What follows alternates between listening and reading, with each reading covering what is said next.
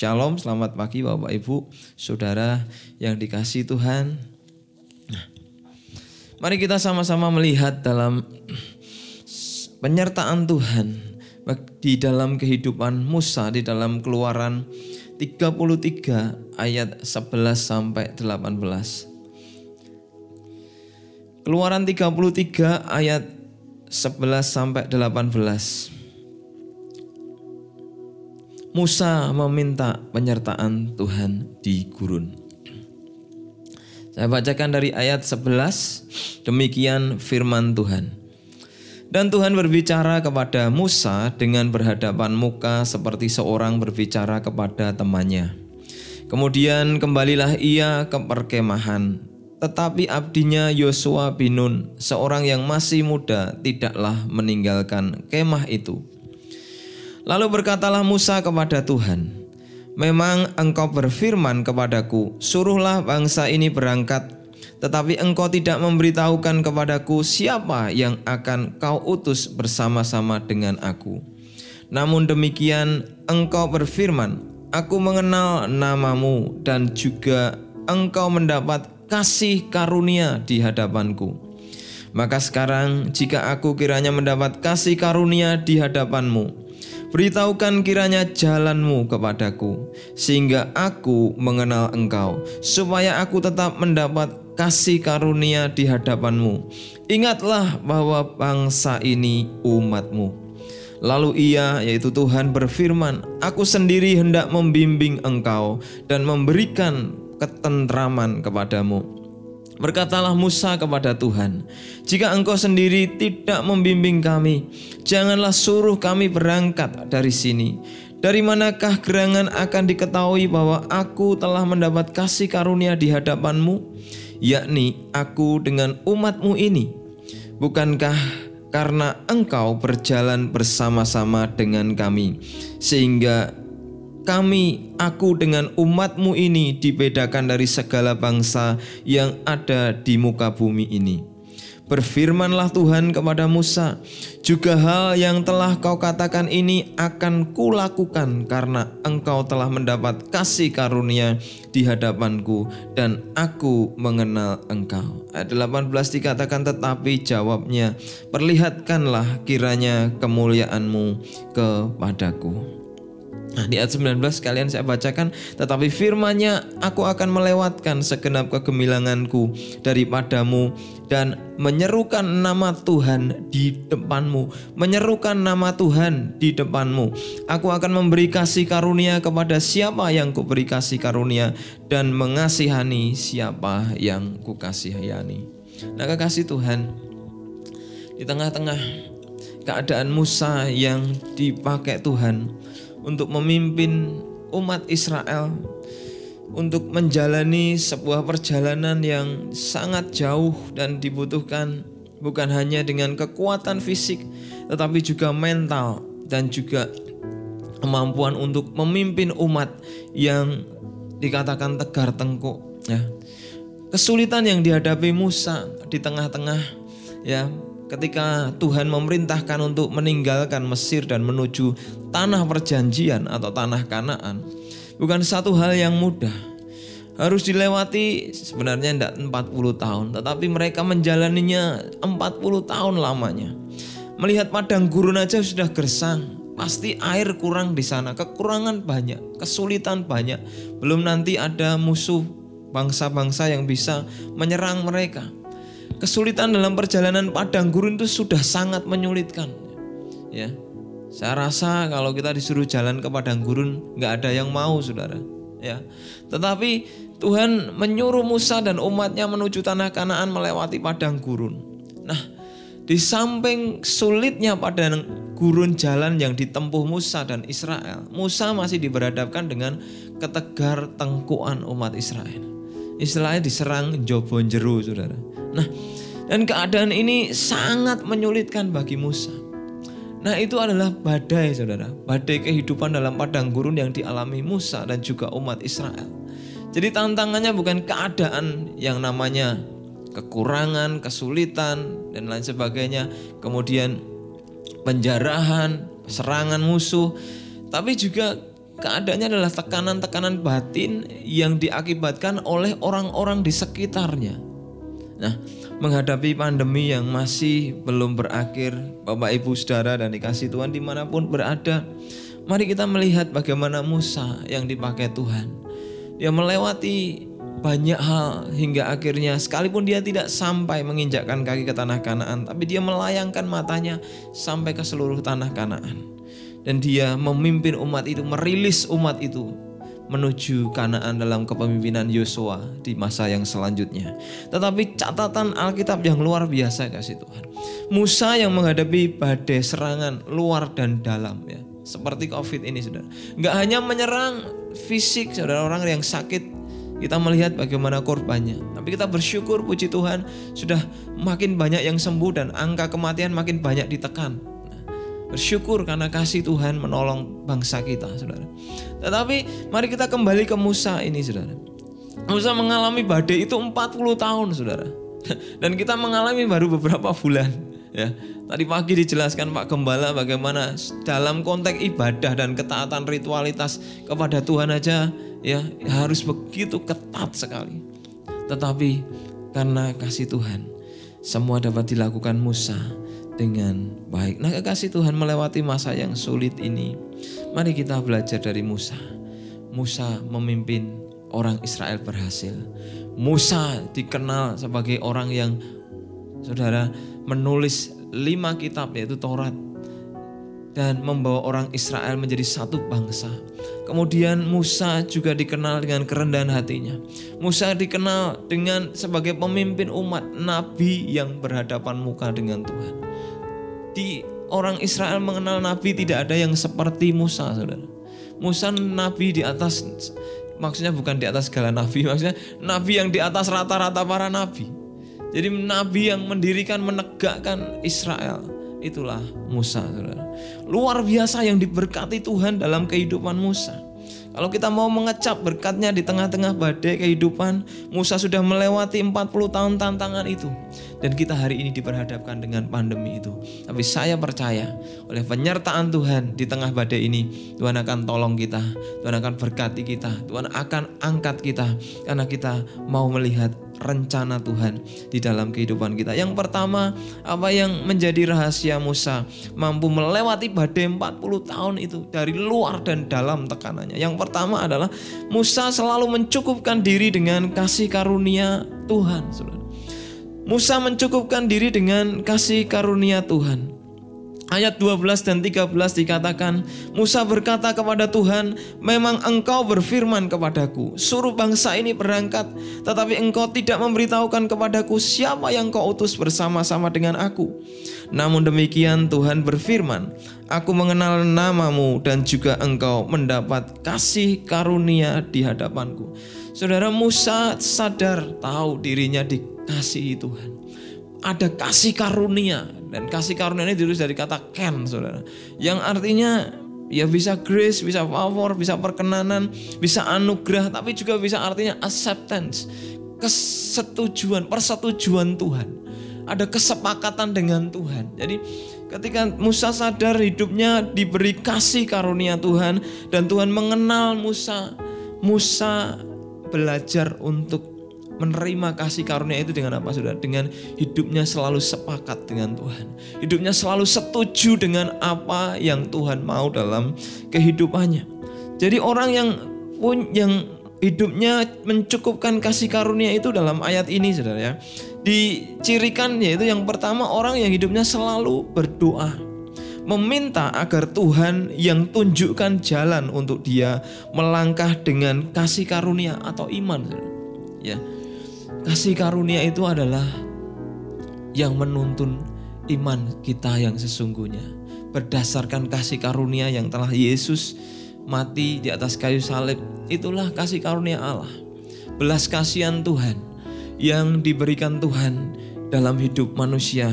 Mereka yang percaya kita percaya kepadanya. Kita menerima kasih karunia itu dan kasih karunia itu menjadi landasan iman apa saja yang dikerjakan oleh setiap anak Tuhan. Nah kekasih Tuhan selalu berdoa tadi dikatakan di ayat yang 13 ke 13 tadi. Ya. selalu menyandarkan pengharapannya kepada Tuhan. Nah, orang yang selalu minta petunjuk Tuhan dalam hidupnya, maka Tuhan akan mengajarkan jalan-jalannya. Tuhan akan menunjukkan jalan, Tuhan akan memberitahu jalannya kepada orang tersebut. Nah, kasih Tuhan, kata tunjukkan jalan ini in menuju kepada sebuah rencana, gambaran besar rencana Tuhan dalam kehidupan manusia.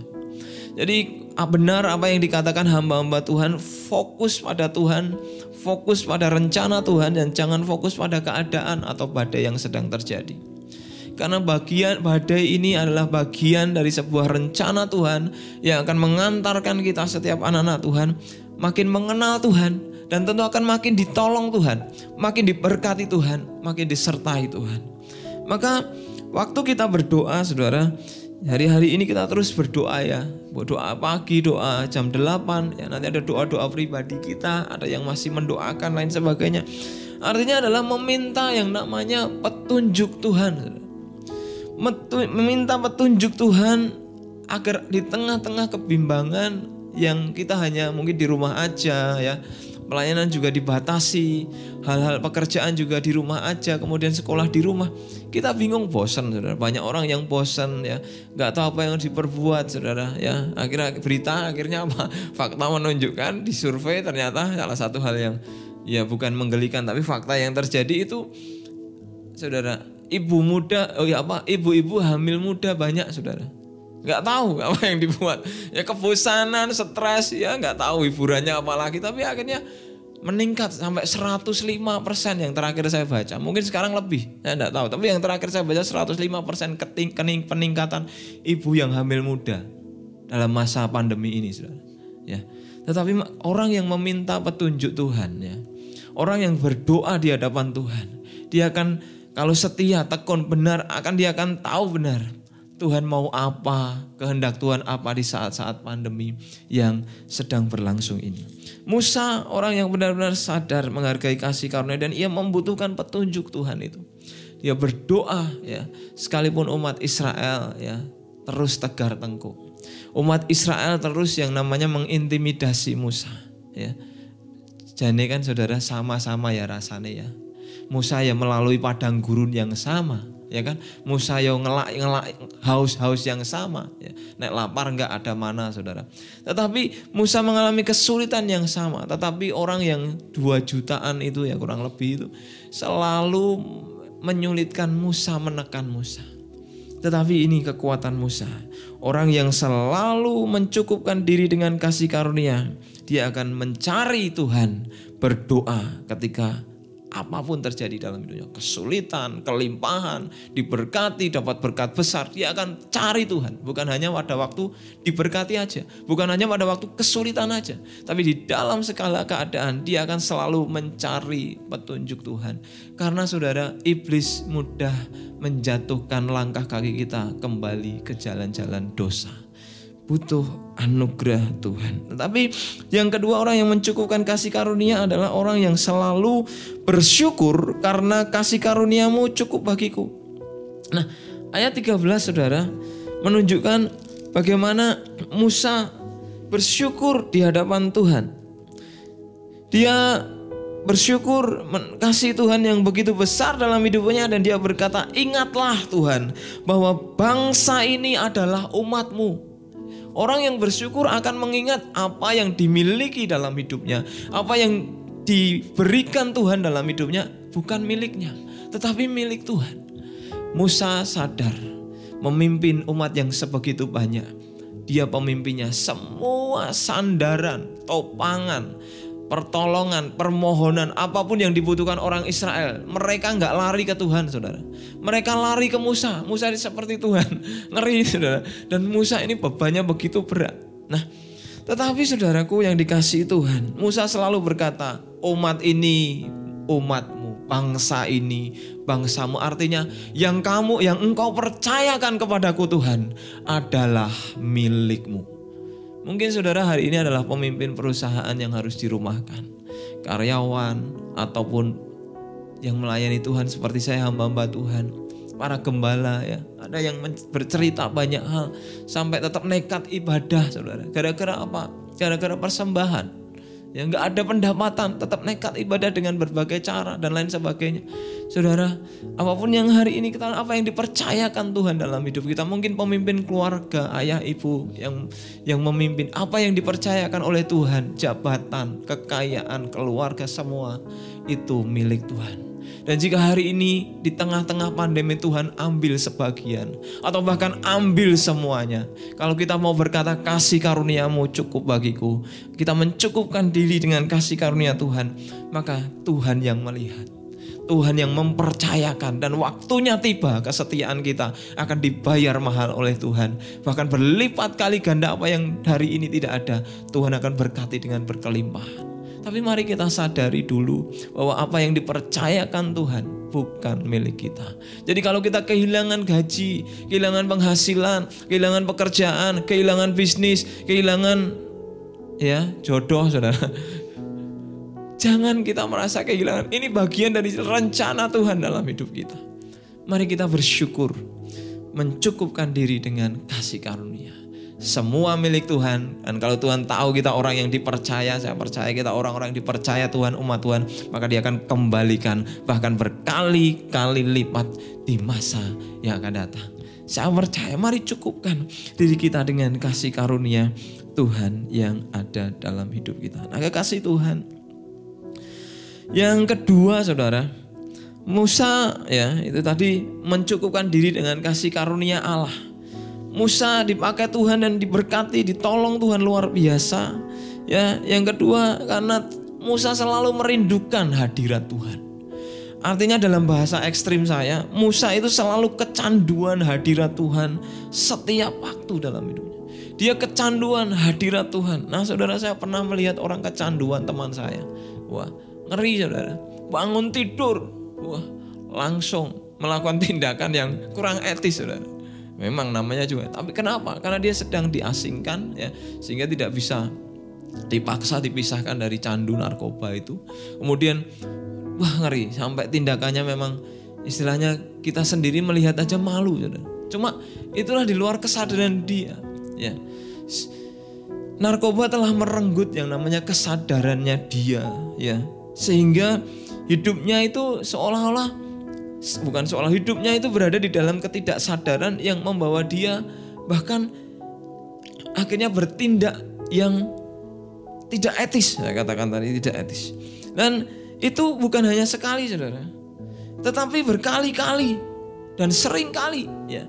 Dan yang mungkin satu kamar bisa tahu saudara. Saya yang tidak satu kamar beberapa kali menjumpainya. Dan kita hanya diamin. Kita mau tolong, eh, kalian kita doain saudara. Kita doain aja. Nah, karena dia sedang berproses saudara. Nah, seperti narkoba, orang yang kecanduan narkoba itu merenggut saudara. Merenggut ya yang namanya kehidupan orang. Kesadaran orang. Sehingga orang ditarik, diikat untuk melakukan sesuatu yang kecenderungannya ya seperti ya efek dari narkoba itu sendiri yang yang ada di dalam tubuh seseorang. Tetapi saudara, waktu seseorang rindu hadirat Tuhan, kecanduan hadirat Tuhan, ya, yang terjadi adalah manusia daging kita akan direnggut oleh manusia roh dan kita akan kecanduan yang namanya melakukan kehendak roh. Ditawan menjadi tawanan roh. Saya melihat teman saya seperti menjadi tawanan akibat efek narkoba ini, saudara. Nggak sadar, nggak nyadari, ditanya cuma senyum-senyum, saudara. Tapi saya percaya waktu kita kecandian hadirat Tuhan saudara. Bukan kayak itu saudara, yang terjadi. Tetapi kita makin mampu meninggalkan kehidupan manusia daging dan makin mencandu untuk mengikuti menjadi tawanan Roh Kudus dan hidup melakukan kehendak Roh Kudus dalam kehidupan kita. Nah, ayat 14-15 mengatakan lalu Tuhan berfirman, Aku sendiri hendak membimbing engkau dan memberikan ketentraman kepadamu Tuhan memberikan ketentraman dan bimbingannya kepada kita saudara. Orang yang selalu rindu hadirat Tuhan akan dibimbing dan diberikan ketentraman. Karena hadirat Tuhan itu ketika Tuhan hadir maka Tuhan berkata damai sejahtera bagimu. Kerajaan Allah berbicara bukan soal makanan. Kerajaan Allah berbicara tentang damai sejahtera, berbicara tentang sukacita karena Roh Kudus, berbicara tentang pekerjaan-pekerjaan Allah. Berbicara tentang damai sejahtera. Nah, damai sejahtera adalah ketentraman yang Tuhan berikan di dalam kehidupan anak-anak Tuhan, Saudara. Nah, kata ketentraman ini diterjemahkan dalam hampir semua versi bahasa Inggris dengan kata rest istirahat atau sabat atau perhentian. Jadi ketentraman atau kedamaian itu gambarannya adalah seorang yang beristirahat ya. Istirahat selamanya dari fisik ini mati sudah ya kan meninggal dunia dari fisik ya. Tetapi istirahat yang sering kali kita alami adalah waktu kita tidur hibernasi sudah. Bayangkan waktu kita tidur, kita tidur dengan tenang ya, nggak ada khawatir ya, nggak ada di dalam waktu kita tidur ngimpi tuh ya, ya virus corona. Mungkin ada tapi normalnya enggak saudara. Yang ketakutan setengah mati saya yakin mungkin dikejar-kejar virus corona ya. Tetapi saya melihat normalnya orang tidur dia akan ya tentu ya merem saudara. Kemudian tenang masalah-masalah tidak ada dalam pikiran lagi. Semua tenang sekalipun dalam keadaan tidur. Bisa saja saudara kak bahaya datang dan dia mengalami kecelakaan atau meninggal pada saat itu. Tetapi tidak ada pikiran nanti kita waktu tidur, ah nanti mati. Kecuali orang itu ketakutan setengah mati. Jadi inilah rest saudara. Rest itu adalah bukan hanya sekedar kita mengalihkan saudara. Tapi benar-benar kita itu enggak lagi mikirin. Sekalipun dalam keadaan dalam kesadaran ya di dalam manusia bawah sadarnya masih ada tersimpan memori-memori itu. Tetapi begitu tenang, begitu rest, begitu seperti berhenti ya tempat perhentian karena apa saudara karena percaya ada Tuhan yang menjagai, ada Tuhan yang melindungi, ada Tuhan yang menopang, ada Tuhan yang menolong, dan ada Tuhan yang akan memberkati sekalipun pada waktu rest, istirahat. Kita nggak ngerjain apa-apa, tapi firman Tuhan katakan Tuhan memberkati anak-anaknya yang dicintainya pada waktu ia rest, tidur. Ini rest yang benar-benar maksudnya yang benar-benar sehat, benar-benar baik menurut kehendak Tuhan. Maka mari kita rest, memiliki ketentraman dan ketenangan di dalam Tuhan. Karena segala beban saudara dan saya telah dipikul Tuhan. Bukan berarti kita tanpa beban, kita masih bisa mengerjakan itu saudara. Tetapi Tuhan yang berjanji, Tuhan yang menyertai, Tuhan yang akan menolong kita seperti induk Raja Wali yang menopang anak-anaknya. Tuhan bertanggung jawab atas kehidupan kita. Nah, dalam bahasa Jawa menarik sekali saudara. Kata ten, ayat ini diterjemahkan dengan kata aku dewe sing bakal ngirit lakumu sarto maringi kemenangan marang kowe. Maringi kemenangan marang kowe ngirit lakumu ya ya memimpin jalan membimbing jalan tetapi juga memberikan kemenangan Ketentraman ini adalah kemenangan, saudara. Nah, damai sejahtera atau ketentraman ini seperti udara atau berkat-berkat Tuhan yang tidak terlihat, seperti oksigen yang kita hirup setiap hari kita tidak sadari, tetapi kita sudah menikmatinya, tetapi kita masih menanyakannya kadang. Nah, jadi damai sejahtera ketentraman ini adalah apa yang sudah dikerjakan Tuhan dalam hidup kita, sekalipun itu tidak terlihat tapi kita menikmatinya setiap hari. Kedamai sejahtera adalah energinya orang percaya. Nah, kekasih Tuhan, mari kita hidup di dalam yang namanya rindu hadirat Tuhan. Orang yang di dalam hadirat Tuhan akan dipenuhi damai sejahtera. Ada orang berkata, saya berdoa tapi kok nggak damai sejahtera. Wah, cek lagi, cara berdoa, cara hidup dan lain sebagainya. Tapi saya percaya Saudara, Tuhan ketika hadir dalam hidup kita, dalam hati kita, dalam pikiran kita, damai sejahtera kuberikan bagimu. Itu firman Tuhan. Maka saya percaya orang-orang yang kuat di dalam Tuhan, sekalipun menghadapi badai ya, dia tetap tenang. Mungkin kekurangan dia secara finansial. Mungkin kurang secara kesehatan iya. Tetapi orang yang tenang menghadapi badai karena dia percaya. Ada Tuhan yang tidak pernah meninggalkan. Ada Tuhan yang menyertai. Tuhan yang memberikan kebahagiaan, ketenangan. batiniah sehingga dalam keadaan apa pun kekuatan Tuhan mengalir dalam hidup kita. Yang kita butuhkan adalah kekuatan Tuhan yang mengalir untuk menghadapi badai dan kesulitan hari-hari ini. Ya, kasih Tuhan, mari kita rindukan hadirat Tuhan lewat doa, lewat pujian penyembahan. Musa ini dikenal dia menciptakan lagu-lagu saudara. Dia ciptakan juga puisi, dia ciptakan mismor, masmor. Di beberapa masmur ada tulisan-tulisan Musa. Dia memuji Tuhan, dia sembah Tuhan, dia rindu hadirat Tuhan, dia selalu ada di kemah pertemuan. Nah bersama dengan orang muda yang namanya Yosua. Orang yang di dalam hadirat Tuhan akan tahu rencana Tuhan. Sehingga kalau kita lihat sudah hanya Yosua yang tinggal dalam hadirat Tuhan. Dan akhirnya rencana selanjutnya untuk sampai tanah kenaan tidak diberikan kepada siapa-siapa. Tapi kepada Yosua yang selalu ada dalam hadirat Tuhan dan mengerti rencana Tuhan. Yang terakhir, yang ketiga adalah mari kita yang namanya memperlihatkan kemuliaan Tuhan. Ayat 18 berkata, tetapi jawab Musa, perlihatkanlah kiranya kemuliaanmu kepadaku. Dan Tuhan menjawabnya, Nah, dia akan melewatkan segenap kegemilangannya dan menyerukan nama Tuhan di depan Musa dan memberi kasih karunia kepada yang diberi kasih karunia dan mengasihani siapa yang dikasihani. Nah, Tuhan Musa ingin Tuhan memperlihatkan Tuhan kasih tanda saudara kasih tanda kemuliaanmu nyatakan dalam hidupku nah Musa rindu Tuhan menyatakan ya atau menunjukkan menampakkan saudara menyingkapkan kemuliaan Tuhan itu di dalam kehidupannya. Dan Tuhan berkata kalau aku menyatakan kemuliaanku yang sesungguhnya engkau tidak akan mampu tetapi Tuhan akan menolong, membantu saudara. Membantu anak-anaknya, membantu Musa kita semua. Dengan menyingkapkan kemuliaan dengan apa saudara? Dengan sedikit demi sedikit.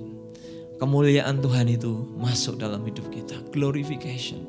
Dengan apa? Bisa lewat proses dalam kehidupan ini bisa lewat apa saja yang kita kerjakan. Tuhan Tuhan mau nyatakan kemuliaannya karena kata kemuliaan ini saudara dari kata kabot saudara. Kabot yang artinya identik dengan kata berat, kata bobot, kata kemudian ini diterjemahkan kata rasa kata hormat menghormati kemudian diterjemahkan dengan kemuliaan diterjemahkan dengan kelimpahan diterjemahkan dengan kekayaan diterjemahkan dengan penghormatan kata kabut ini artinya berat saudara ada berat yang makin ditambahkan saudara, yaitu kemuliaan Tuhan dalam hidup kita kalau kita mau taat melakukan firman Tuhan. Sedikit demi sedikit sifat Tuhan masuk menjadi sifat kita. Sedikit demi sedikit karakter Tuhan masuk dalam karakter kita, menjadi karakter kita. Itulah glorification. Yang pemuliaan Tuhan, mau dimuliakan Tuhan, Saudara, bukan sesuatu yang instan. Tuhan mau membentuk kita seperti dia membentuk Musa. Nah, dalam pekerjaan yang berat, Musa sanggup melakukan karena dia berkata karena kasih karunia aku mampu. Maka di waktu-waktu seperti ini saudara tantangan dan kesulitan mari kita bersandar pada kasih karunia Tuhan yang menolong kita. Karena tidak ada satupun orang kuat melewati dengan benar di hadapan Tuhan kalau tidak menyandarkan kepada kasih karunia Tuhan yang telah mati menyelamatkan hidup kita semua. Nah, kata bobot, kata hormat ini saudara dalam bahasa Yunani itu biasanya dijelaskan dengan kata timai yang untuk hormat suami istri dan lain sebagainya, menghormati hamba Tuhan dan lain sebagainya. Jadi ketika Tuhan ingin kita memperlihatkan kemuliaan Tuhan, Tuhan sudah menyatakan kemuliaannya dalam kehidupan kita. Tapi kita Tuhan ingin kita menjadi orang-orang Kristen yang berbobot, orang-orang Kristen yang makin hari makin berat, yaitu taat melakukan firman-Nya, makin hari makin mengalami pemulihan yang namanya apa glorification dalam hidupnya. Nah, waktu saya sekolah ya saudara. Yang saya cari apa saudara? Nilai saudara. Ya kan? Yang saya cari ilmu pengetahuan sudah tentunya. Tetapi untuk menunjukkan bahwa saya punya ilmu pengetahuan sering kali itu di apa digambar di di apa? Di dikasih nilai saudara. Dikasih nilai. Jadi bobot itu artinya adalah nilai. Nilai kalau mau ngejar skor 60 ya sudah belajar sungguh-sungguh nilainya 60 70 ya itulah bobot kita tapi ada yang sungguh-sungguh dapat 100 saudara. Lah itulah bobot kita saudara. nilai kita. Nah hari-hari ini hidup kita di hadapan Tuhan seperti kita sedang proses belajar di dalam sekolah kehidupan. Dan mari kita di akhir zaman ini, di generasi terakhir gereja akhir zaman ini, kita berlomba memacu diri kita. Makin bobot nilai kita di hadapan Tuhan dan juga sesama makin meningkat. Yang 50 naik ke 60, yang 60 naik ke 70 dan mencapai 100 sehingga Tuhan akan berkata, inilah hambaku yang kau kasihi. Aku berkenan kepadamu. Filipi 1 ayat 9 11. Ini doaku semoga kasihmu makin berlimpah dalam pengetahuan yang benar dan dalam segala macam pengertian. Dan dikatakan oleh Rasul sehingga kamu dapat memilih apa yang baik supaya kamu suci dan tak bercacat menjelang hari Kristus penuh dengan buah kebenaran yang dikerjakan oleh Yesus Kristus untuk memuliakan dan memuji Allah penuh dengan buah kebenaran yang dikerjakan oleh Kristus di dalam firman-Nya untuk memuliakan dan memuji Tuhan. Saudara, ini pesan Rasul Paulus dalam Filipi 1 ayat 9 sampai 11. Bagaimana orang-orang yang memuliakan Tuhan, dia harus penuh dengan buah kebenaran, penuh dengan firman dan kemudian mengerjakannya seperti Tuhan Yesus mengerjakannya. Dan itulah bagaimana memuliakan nama Tuhan hari-hari ini ya saudara mungkin kesulitan, kekurangan dan sebagainya. Kita anak-anak Tuhan, gereja Tuhan terus menjadi berkat ya. Kesempatan saudara di tengah-tengah pandemi ini menjadi berkat ya. Tidak harus mungkin yang tidak punya apa materi dengan yang lain. Dengan menguatkan orang yang sedang hari-hari ini terpuruk. Bisa dengan kata-kata dengan kesaksian bisa dengan semangat bisa dengan kekayaan, dengan berkat, dengan apa pun yang kita miliki hari-hari ini. Mari kita persembahkan hidup kita untuk kemuliaan nama Tuhan. Kita lihat ada banyak orang-orang yang letih lesu, ada banyak orang-orang yang kekurangan dan lemah. Mereka butuh kita. Tuhan ingin kita memperlihatkan kemuliaan Tuhan di tengah-tengah kehidupan banyak orang hari-hari ini. Saya percaya Tuhan akan tolong kita semua. Pandemi pasti berlalu, badai pasti berlalu, tetapi penyertaan Tuhan akan terus ada di dalam hidup kita. Dan penyertaan itu yang menolong kita kapan pun kita membutuhkan. Ada pertolongan Ebenezer Tuhan dalam hidup saudara dan saya. Kiranya Tuhan memberkati.